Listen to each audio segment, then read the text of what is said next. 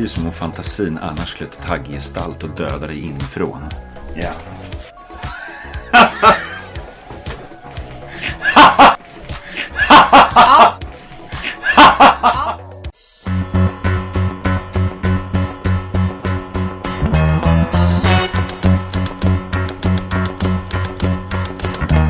Det är jag som är Nina De är. Och det är jag som är Johanna de Valiant. Och vi tänker debutera. Eller dö. Tumble out of bed and I stumble to the kitchen. Pour myself a cup of ambition and yawn and stretch and try to come to life. Jump in the shower and the blood starts pumping. Out on the streets, the traffic starts jumping. With folks like me on the job from nine to five. Working nine to five. What a way to make a living. Barely getting by. It's all taking and no giving. They just use your mind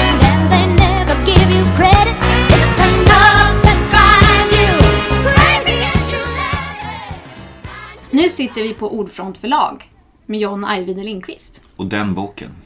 Heter Den misslyckas igen och Nu misslyckas spelar vi in bättre. förstår jag. Ja, Ja, du fick en lite annan röst genast. Lite mer officiell röst. lite mer, ja. Jag, jag är fortfarande i en personlig inre kris på grund av det vi sa innan. Vi kanske måste ta det, för det handlar lite om skrivande. Jag har nämligen skrivit flera scener om Fredrik Skavlan Okej. i en bok. Och nu blir jag så här, allt det du säger nu, det fuckar upp alltihopa. Du hade inte gjort en Att han- research Nina. Nej, att han inte ställer följdfrågor. För jag gillar inte Sk- Skavlan. Okej.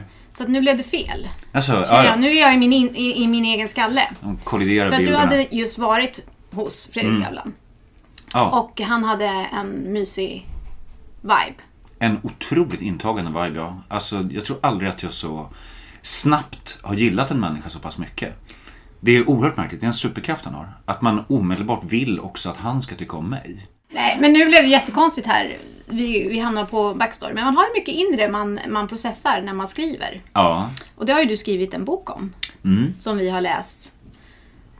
Med någon form av behållning, hoppas jag. Absolut. Den är väldigt spännande. Den är ju lite mer, eh, vad säger man, metafysisk. Den är ju, det är inte som en lärobok. Nej, nej. Utan Oh, nej. man får följa din process. Den är Ja. väldigt självbiografisk. Mm, det är den också. Jag har ju, jag har ju i stora... Det har verkligen, det är som dammluckor som har öppnats här. Jag har verkligen undvikit att prata om mitt privatliv eller någonting. Eller mer än i absolut nödvändigaste mån tidigare. Och nu först, eller Skavlan som bara vill prata om sånt. Fast jag även där la, slog till bromsarna. Men, och nu den här då som också är ganska... Handlar ganska mycket om mitt eget liv. Ja. Men det är ju självvalt här. Det, ja, ja, det är fullständigt självvalt och självformulerat. Så här är det ingen som lockar. Det är inte, jag har inte lyckats locka mig själv att säga något som jag inte ville säga. Nej. Och det är för att du skriver om ditt yrke. Ja, primärt. Är det, ju, Ja. det, det biografiska självbiografiska är primärt i relation till yrket. Men det är ju en del annat också. Mm. Mina misslyckade karriärer och sådär. Men jag känner ju framförallt att jag hokar på din relation till Mia.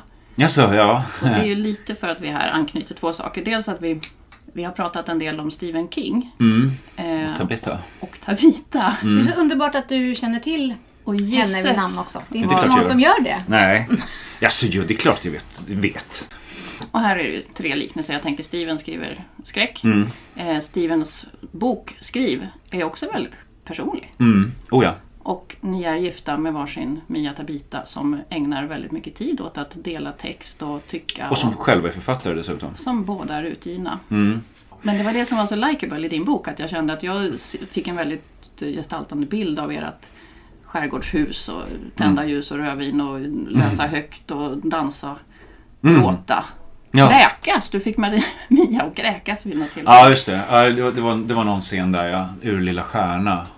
Som var väldigt hemsk. Ehm, det var en, en scen ur X också där hon, blev, hon började kräkas men, men där hon också blev fruktansvärt illa berörd. Båda, båda två, två scener som handlar om stora, stora svek båda två. Mot, eh, mot en annan människa. Mot en vän. Hur känner du för det? Är det bra eller dåligt betyg? Krä- Nej, det är ett jättebra betyg. Ja. ett jättebra betyg. Ehm, nej, alltså alla typer av fysiska reaktion, starka reaktioner är jag ju ute efter. Mm.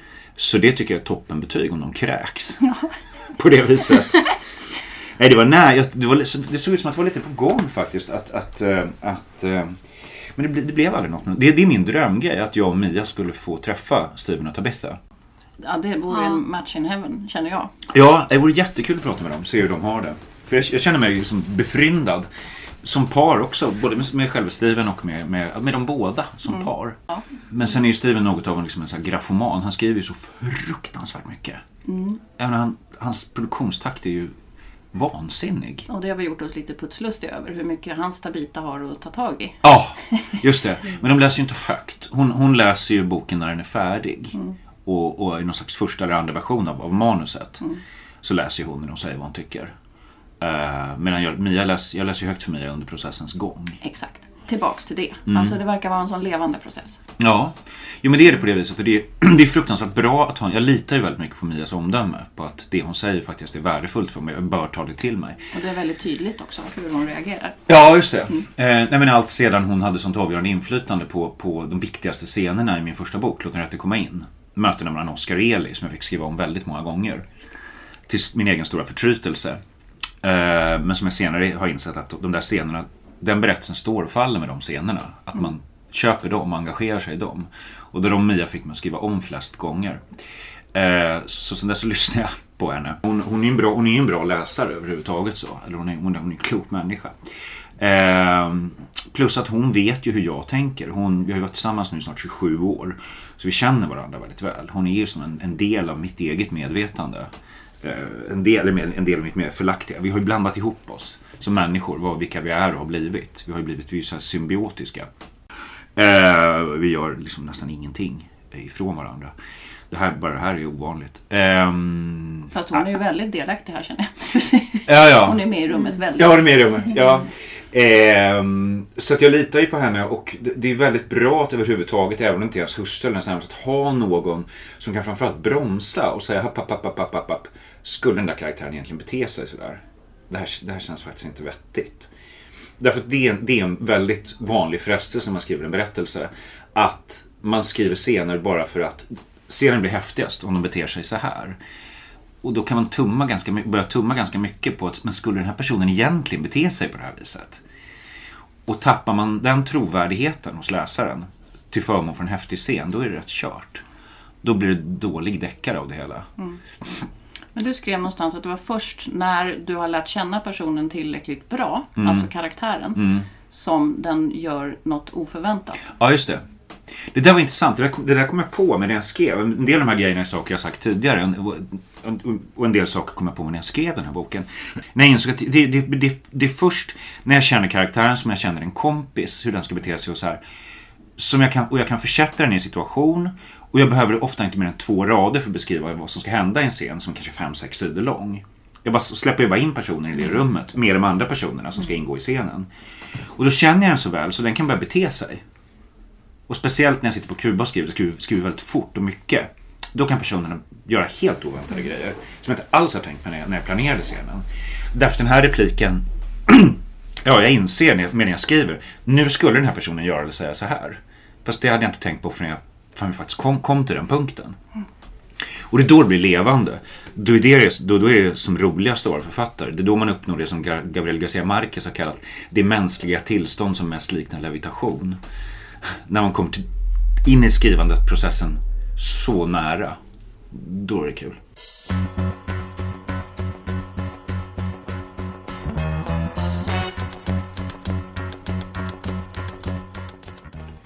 Du nämner ju också det här med att eh, få åsnan och eh, fortsätta Ja. gå för stigen. Ja. En gammal så här berättarknep att det ska någonstans i berättelsen vara en åsna på stigen, bara man får Ja. med det.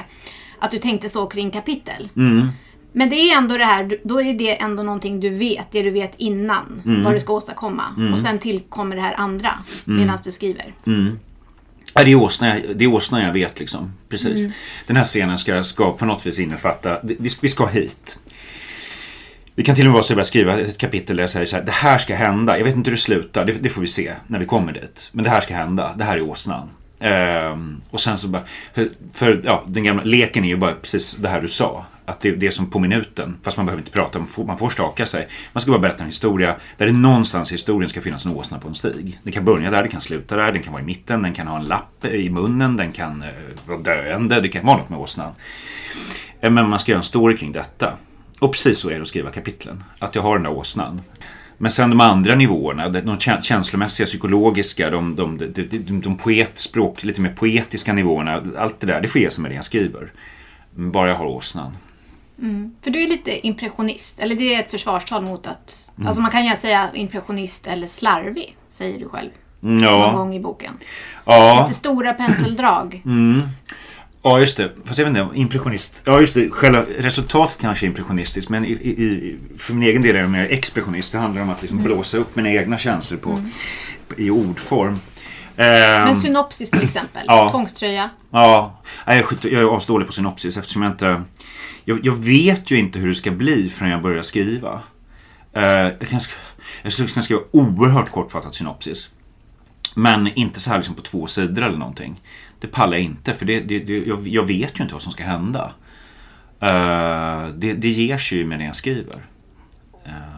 Och det är för att du är så intresserad av djupet i allting. Jag har verkligen uppfattat det som en existentiell resa för dig, varje bok. Och att du hittar en bild och sen tränger du djupare och djupare in i den. Ja. Och sen blir det de här upplevelserna tillsammans med Mia då som blir Mm. crescendot.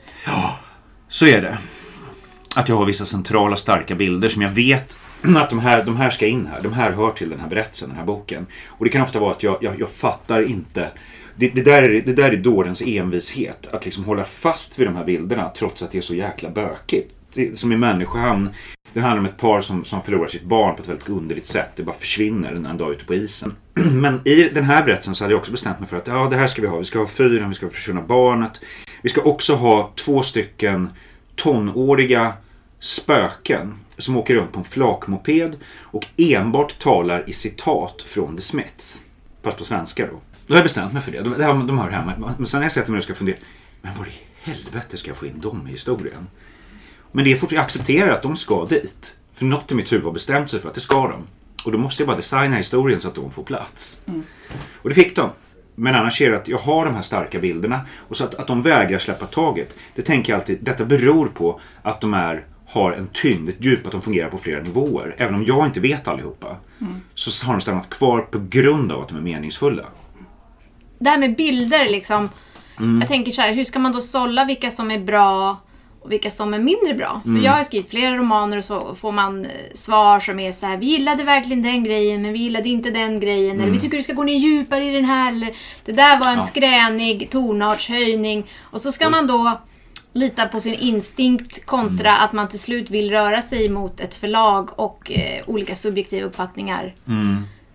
Som ändå bestämmer. Det är Mm. Ändå beslutsfattare till slut som man rör sig mot. Det går ju inte att göra annat än att, än att eh, skriva det man själv tror på. Det blir, det blir bara klyschor om man ska prata om det här. Men det, det, det är fullständigt värdelöst tycker jag att försöka skriva böcker som man tror att folk ska kunna tycka om. Det är ju också det här att det måste fan hamna hos rätt person. Det kommer människor ha åsikter men det här är jag mycket mer förtrogen med från filmbranschen. Jag skriver mycket filmmanus. Och där är det så mycket åsikter som man kan kollapsa från, på olika nivåer hela tiden. Hitta någon som tycker man är värdefull helt enkelt.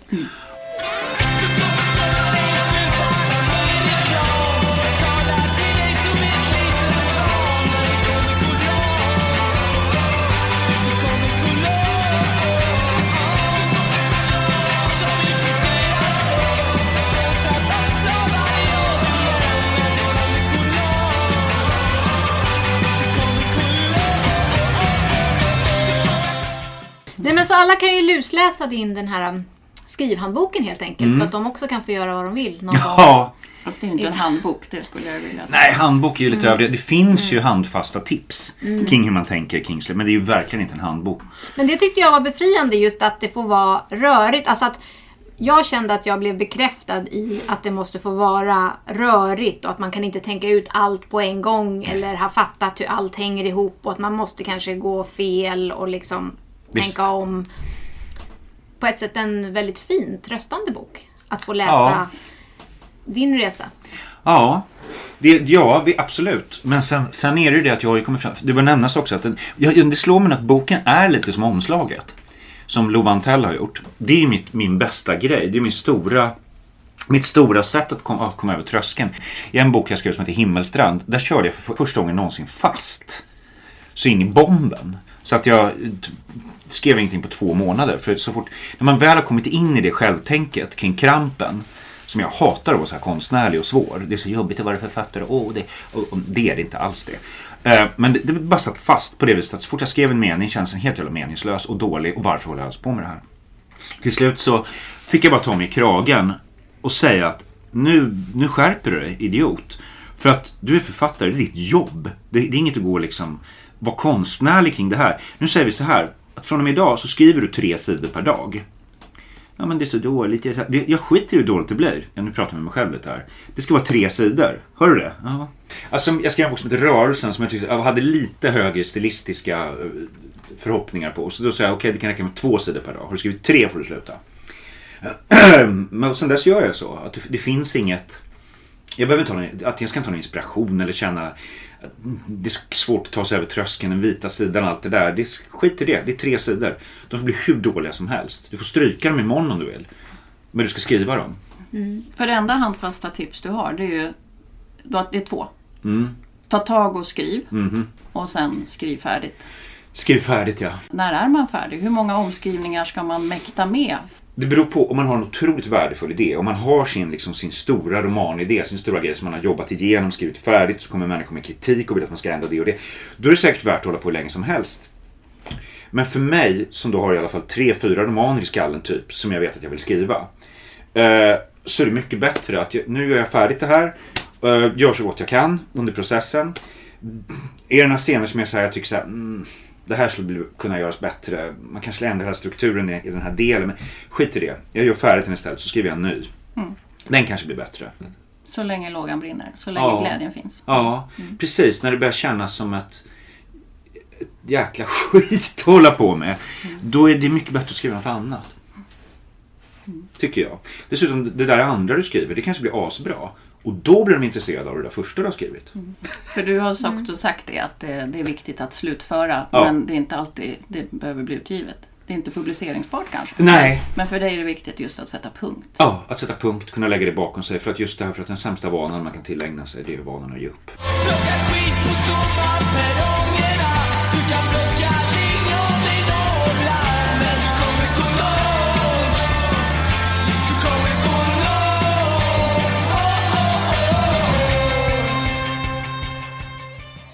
För det pratar du också mycket om, att man skulle fördröja entrén. Ja, fördröjd entré. Det gjorde Gösta Ekman den äldre. Det här med att de gjorde, han, var ju, han var ju den på privatteatrarna på den tiden. När han, eh, när han skulle göra, det var ju honom folk kom för att se. Han var ju den store, Gösta Ekman. Så att de såg alltid till att pjäserna, att hans entré kom en bra bit in. Så att folk faktiskt satt såhär, när kommer Gösta? Och när han äntligen gjorde entré så kanske det först bara var att man hörde hans röst ute i kulissen och folk sa Och sen kom han in med ryggen mot publiken, svarade en telefon, gick ut igen. Och folk så och sen och så, så, så, bara höjdes och höjdes. Och sen när han verkligen gjorde sin verkliga entré, då var ju folk liksom helt extatiska. äntligen, där var han. Och det, det där säger jag i relation till Monster. Mm. Eller, bygga upp. Hotet, mm. ja precis. Det, det duger inte att slaska på något, något, något fet monster på sidan tre liksom. Man kan göra så, men då ska man vara medveten om exakt vilken effekt man, man eftersträvar. Men annars handlar det mycket om att antyda och eh, förbereda för den stora entrén. Och det är för att hålla spänningen. Ja. Men det andra som du har tillfört med att just stoppa in ett monster mm. är att vi inte har en, ett facit för hur man ska bemöta ett monster. Man mm. tappar brallorna helt enkelt. Ja. Alla andra situationer så har jag lärt mig hur man ska agera. Men ja. inför ett monster står jag som äh, ett nyfött barn. Någonting från den andra sidan överhuvudtaget. Det är alltid intressant. Man kan säga att det är en slags genväg in i extrempsykologi för att beskriva människor. De kommer väldigt snabbt in till en av kärnorna i en människa i hur, i hur den reagerar på det som den inte har, har något konventionellt sätt mm. att, re, att reagera på. Jag har aldrig sett så på att skriva skräck, men det gjorde genren mer intressant. Ja, det tycker jag. Och sen, men sen beror det på hur man tänker kring det då. Jag menar, jag blir mer och mer upptagen av existentiella spörsmål eller grundforskning ju äldre jag blir. Och jag tror också att eh, monster eller besökare från den andra sidan blir väldigt mycket intressantare när de lika mycket som ett hot är en möjlighet och erbjuder någon form av möjlighet för protagonisten eller någon annan i berättelsen. när monster inte bara är monster som vill äta upp oss utan de är också en möjlighet till förvandling. Gräns. Mm. Att vara tullinspektör och ha en sån lukt Ja, Sånt det luktsinne, det är ju ett exempel på hur du sätter monstret i en situation som man faktiskt skulle ha väldigt mycket praktisk nytta av. ja, så det handlar ju också om en slags själv, resa till självinsikt som gör att man blir större än vad man var innan. Så monstret som hon möter, som får henne att transcendera, det är hon själv. Så en jag tycker det är en jäkligt bra berättelse. Jag tycker fortfarande det är min bästa novell. Om man tänker närmare på det så är man ju en smula otillfredsställd med sina jordbundna villkor. Att behöva kravla omkring bland himmel och jord som Shakespeare säger. Att det är inte mer än så här. Man kan drabbas av den känslan väldigt starkt, tror jag många människor, även jag. Är detta allt? Ska det inte vara mer än det här? Den här längtan efter att transcendera, att ta sig utanför sig själv till något större, högre. Den typen av berättelser har kommit mycket mer för mig på senare år. Men det finns ju uppenbarligen rum för mörker. Jag får ju ofta såna här lektörsutlåtanden som är så här. Den här författaren verkar ha lite svårt att hålla sig på rätt sida om vad som är för svart och mörkt. Okej. Och nu försöker jag då själv liksom ransaka hur, hur jag ska göra det här. Mm. Men... Eh, Skriv skräck. Så får du Ja. gå hur mörkt du vill.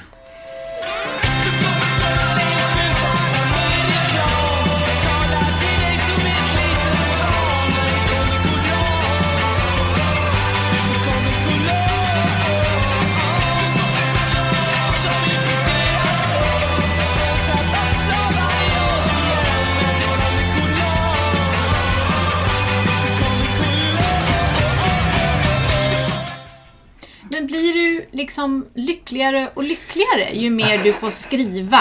Och liksom, jag, ser, Jag blir lyckligare som hela tiden, snart kokar jag över. Ja. Ja, men jag ser det här lite som att jag väntar på min transcendens och bara få göra vad jag vill och Mm.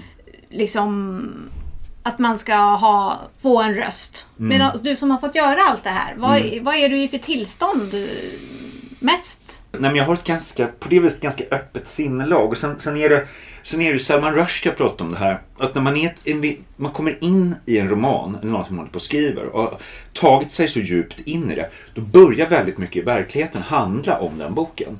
Att man hör en låt på radio som tänker, fan den där. Eller bara en rad i den låten.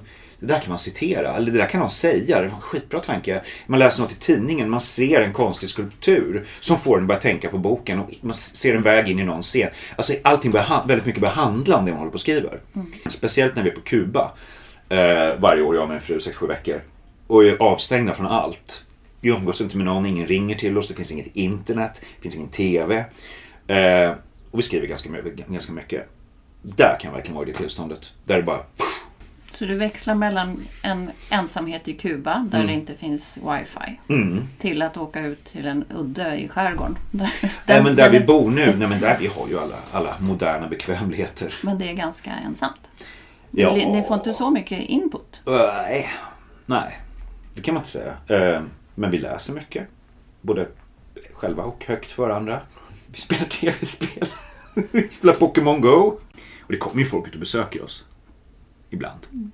Men inte Stephen King. Inte inte Stephen varit. King, nej. Men drömbesöket det skulle vara Selma Lagerlöf. Ja, det tror jag. Ja, jag vet inte. Fan, nej, det är, det är alltså Steven. Men, men jag- vi satt och pratade om det här om kvällen. Eh, Min fru och jag. Vem, vilken författare de helst skulle jag träffa. Och jag sa Selma. Jag tycker det skulle vara jäkligt kul att se hur hon var som person. Sen tror jag hon inte fan inte är lätt att tas med. Alltså. Men jag, jag är inte så säker på att jag och Selma skulle gilla varandra. Det tror jag inte. Men jag skulle väldigt gärna vilja veta hur hon var som människa. Mm. Mm. För det är din litterära förebild. Mm. Ja, det får man nog säga. Att hon är min främsta litterära förebild. Ja, det får man säga. Det tycker jag. Hon och Dostojevskij. Ja, mest Selma, absolut. Ja, För de skiljer sig ju rätt mycket. de skiljer sig, skiljer sig extremt mycket. Men det, det, det Dostojevskijs sätt att skildra människor, det här oerhört splittrade. Att människan är, är, har så oerhört mycket impulser. Motsägande impulser samtidigt.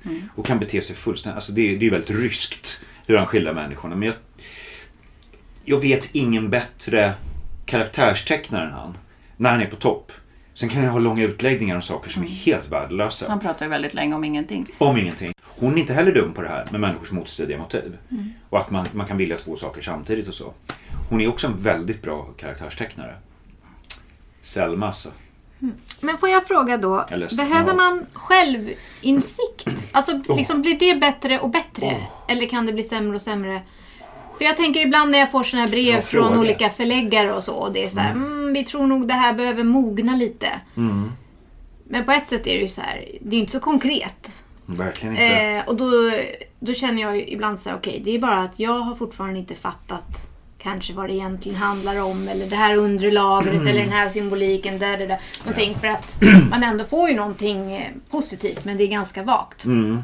Och då undrar jag ibland om det här med att skriva något bra och bli bättre. Om det är en grej också. Att försöka tränga in i mer det här med... Du pratar om att monstren kan ju vara andra typer av demoner eller... Alltså om det är någonting där. Man kanske måste börja gå i psykoanalys. Som medelålders manlig författare så tycker jag då att det, det verkar råda en eh, skriande risk för en utveckling åt precis det motsatta hållet. Att självinsikten blir sämre och sämre ju äldre man blir. Och ju mer böcker man säljer. Fast nu säljer jag ju inte så mycket böcker. Så Det, inte det är blivit, räddningen. det är räddningen. Jag har inte blivit så komplett dum i huvudet som vissa. Eh, Jag tänker på det här med att tränga djupare ner i bilder. Att det Ja. är ju någonting som krävs mer än språk, kreativitet. Mm. Alltså det är precis som när man skriver manus och de säger så här, ja, det här, vi, vi måste utveckla det här lite. Och det är alltid det här, vadå? Va, det är precis som du säger, djupare. Va, utve, hur då utveckla? Vad betyder det? Ah, jag måste utveckla det. det är så värdelöst att säga. Ehm, Men den här boken måste ju gett dig en massa självinsikter. För ja, det- lite du i alla ju, fall. Dels, dina böcker i sig är ju väldigt analytiska om människan. Ja, Och den här boken är analytisk om ditt skrivande. ja. Om ditt författarskap. Jo, Så jag nu- fattar Det en här är del. ytterligare ett lager av dig själv som du ger oss. Mm. Och jag fattar en del av, av mig själv och hur jag gör genom att skriva den där. Det gjorde jag. Så jag vet massor. Jag, kan ju, jag, jag och min hustru hade en kurs på Medborgarskolan en och en halv timme där vi pratade om det här med skrivande. Hur man gör. Jag vet massor. Och sen på ett annat väldigt grundläggande plan så har jag inte en aning om hur jag gör. För du skrev någonstans att, att man måste ibland konkretisera. Mm. För eh, författandet är så abstrakt. Ja, ja, det är en sån jäkla abstrakt sysselsättning. Det här med att bara ha den där vita skärmen som lyser och så ska du bara... Det är en öken som du ska framställa skulpturer. Det, det, det är så abstrakt att hitta på berättelser. Det är ju en konstig, konstigt jobb. Jobba med fantasin. Jobba med fantasin. Men att få göra det. Att tillåtas göra det. Det är ju vilken ynnest, vilken lyx. Och då är du inom den genre som kanske optimerar detta. Ja, det kan man väl säga. Det, men, det tillåter ju nästan vad som helst. Jag kan ju slänga in precis hur konstiga grejer som helst. Och särskilt en sån med du, som du, som har så hög rang. Jag pluggade skräck och då var ju du kurslitteraturen. Jaha, vilken bok då? Låter den rätt eller? Nej, det var... Jag tror vi fick välja på människohamn och eh, hantering av de odöda. Jaha, ja, okej. Ja, ja, wow, kul. Jag inte, Har du läst en bok som heter Rörelsen? Nej. Nej, okej. Ja, skip it. Där finns ett par, en, en sida, en beskrivning av en grej som är så här. Jag verkligen kände, ska jag verkligen ha med det här? Det här är, många kommer lägga ifrån sig boken här. Men vi kör. Och Pelle hade väl inte läst det så att han gav ut den. Ja. Ja, Så det är ju också ett annat tips då. Man, de kan ju ut utan att ha läst Precis, det. ha så bra Ja. relation med din redaktör att det går igenom. förläggare Förläggare. i det här fallet. Att det går igenom ut oläst. Eh, Vad, vad är det för typ av böcker du skriver? Ja, nej, men jag har skrivit i rör mig i alla genrer. Men det, mm, just den som, nyligen som jag skickade in, det var väl en relationsroman. Men den var väldigt mörk. Eller det var en roman liksom. Vad, vad var som det hade som var mörka mörkt? stråk. Vad, vad innebär mörka Ja, det var stråk? ju en barndomsskildring eh, som då korsklipptes med eh, nutid. Så att det är som att Mm. huvudkaraktären skriver en liten metaroman. Ja, Där barndomen skildras. ja, Och nu låter det som en jättetung eh, grej, men det var det. Jag tyckte att den var väldigt dråplig hela ja. historien. Vad, Men tyckte, ja. vad var de tyckte var så svart då? Ehm, ja, det var då en, eh, ja, en barnflicka som hängde sig faktiskt Okej. i eh, det nutida skiktet. Mm. Och då blev det mörkt. Jag tyckte att det var, var mer relevant att det kunde hända. Ja, det är klart Ja, det kan hända. Ja. Men vem riktar Men- den sig till? Vilken, vilken målgrupp har den så att säga? Nej, men det var... eh, Jag skriver det jag själv vill läsa, så ja.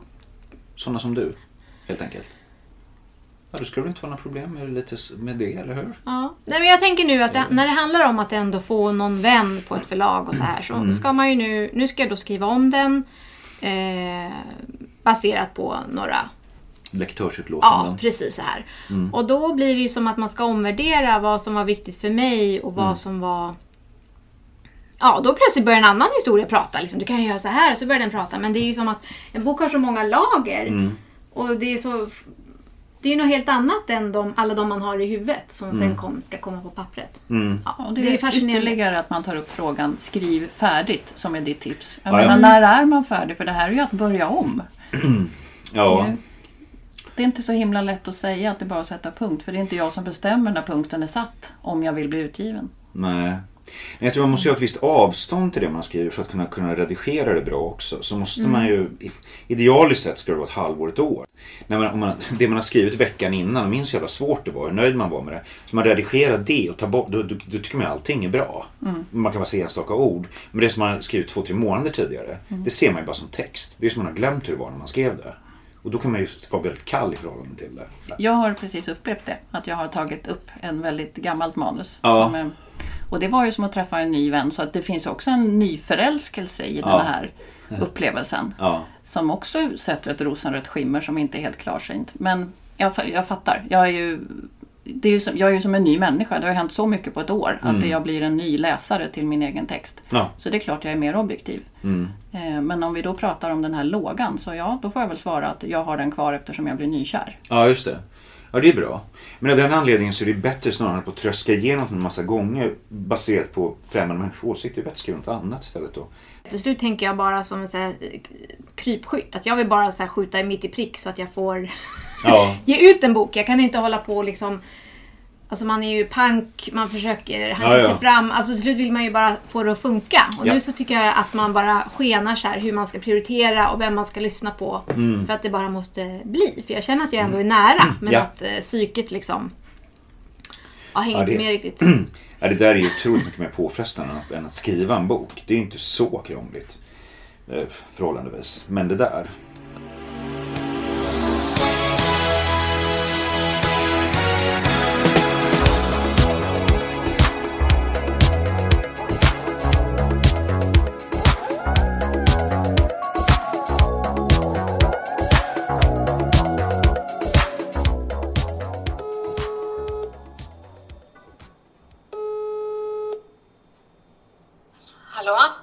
Väckte jag dig?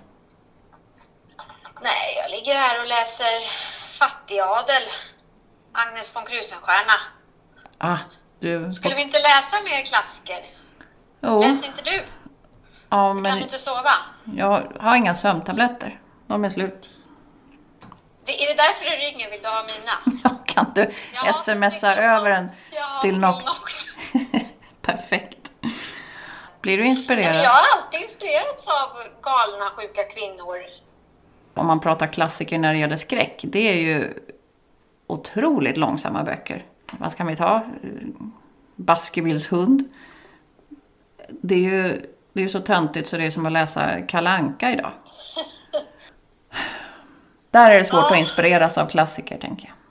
Var går gränsen mellan vad som är liksom det här intellektuella stimulansen eller att bara liksom försöka göra något eget? Jag vet inte. Jag tänker på det här som Niklas Levi sa. Han var ju så här, skulle inte läsa en enda bok medan han skrev.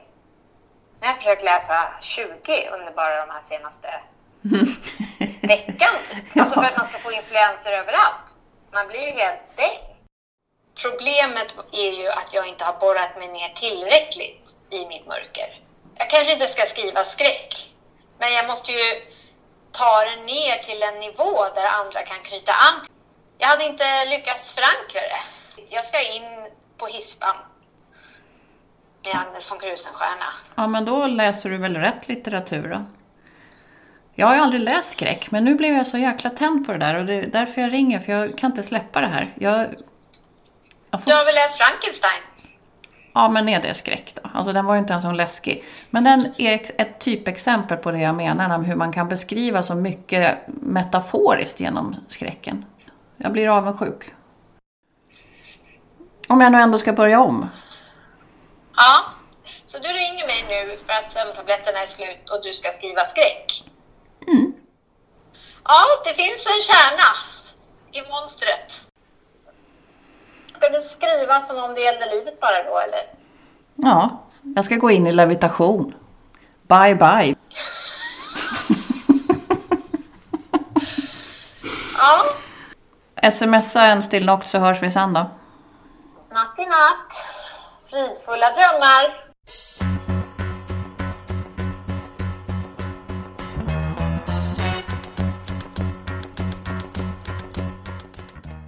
Det här speglar också vår brist på tabitor.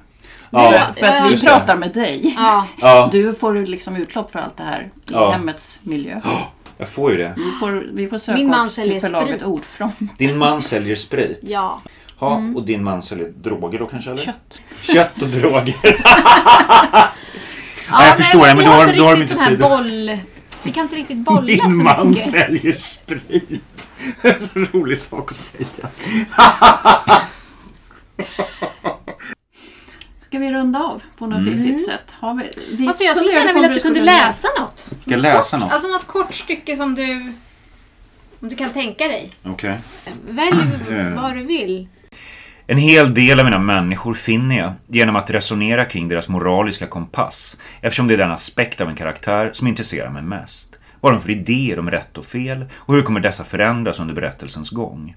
Jag tenderar att återvända till människor som på olika vis för denna ständiga kamp mot avgrunden. Det gör vi alla.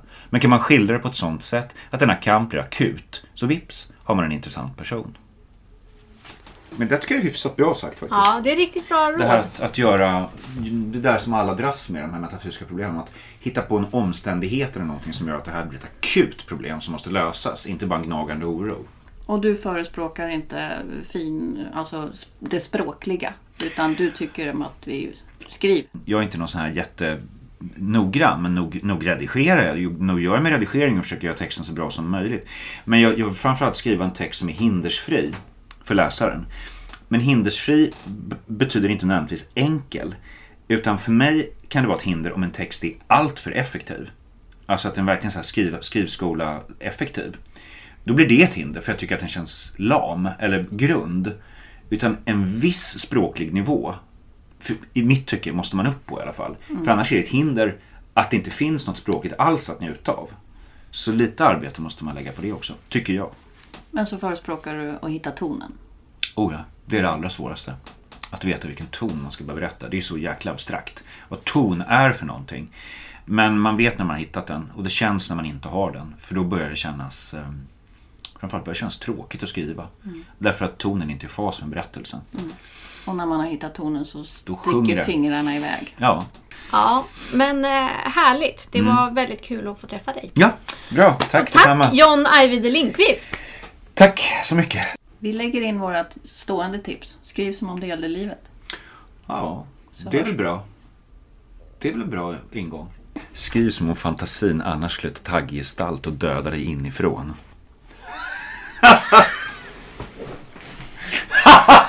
Men Den är bra. Vi säger Ja, du- du får i alla fall tjing ut- med de avslutningsorden. Vi säger ching. Ja, Vi säger ching. vi säger ching. Darkness falls across the land. The midnight hour is close at hand. Creatures crawl in search of blood to terrorize your neighborhood. And whosoever shall be found without the soul for getting down must stand and face the hounds of hell and rot inside a corpse's shell.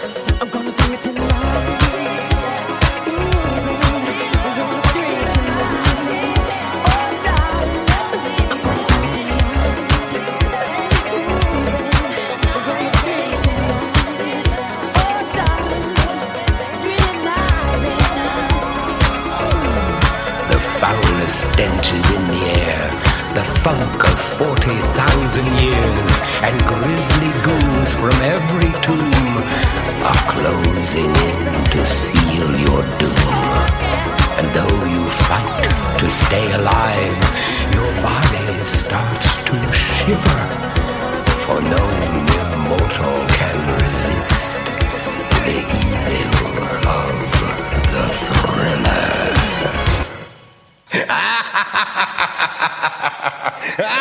Ha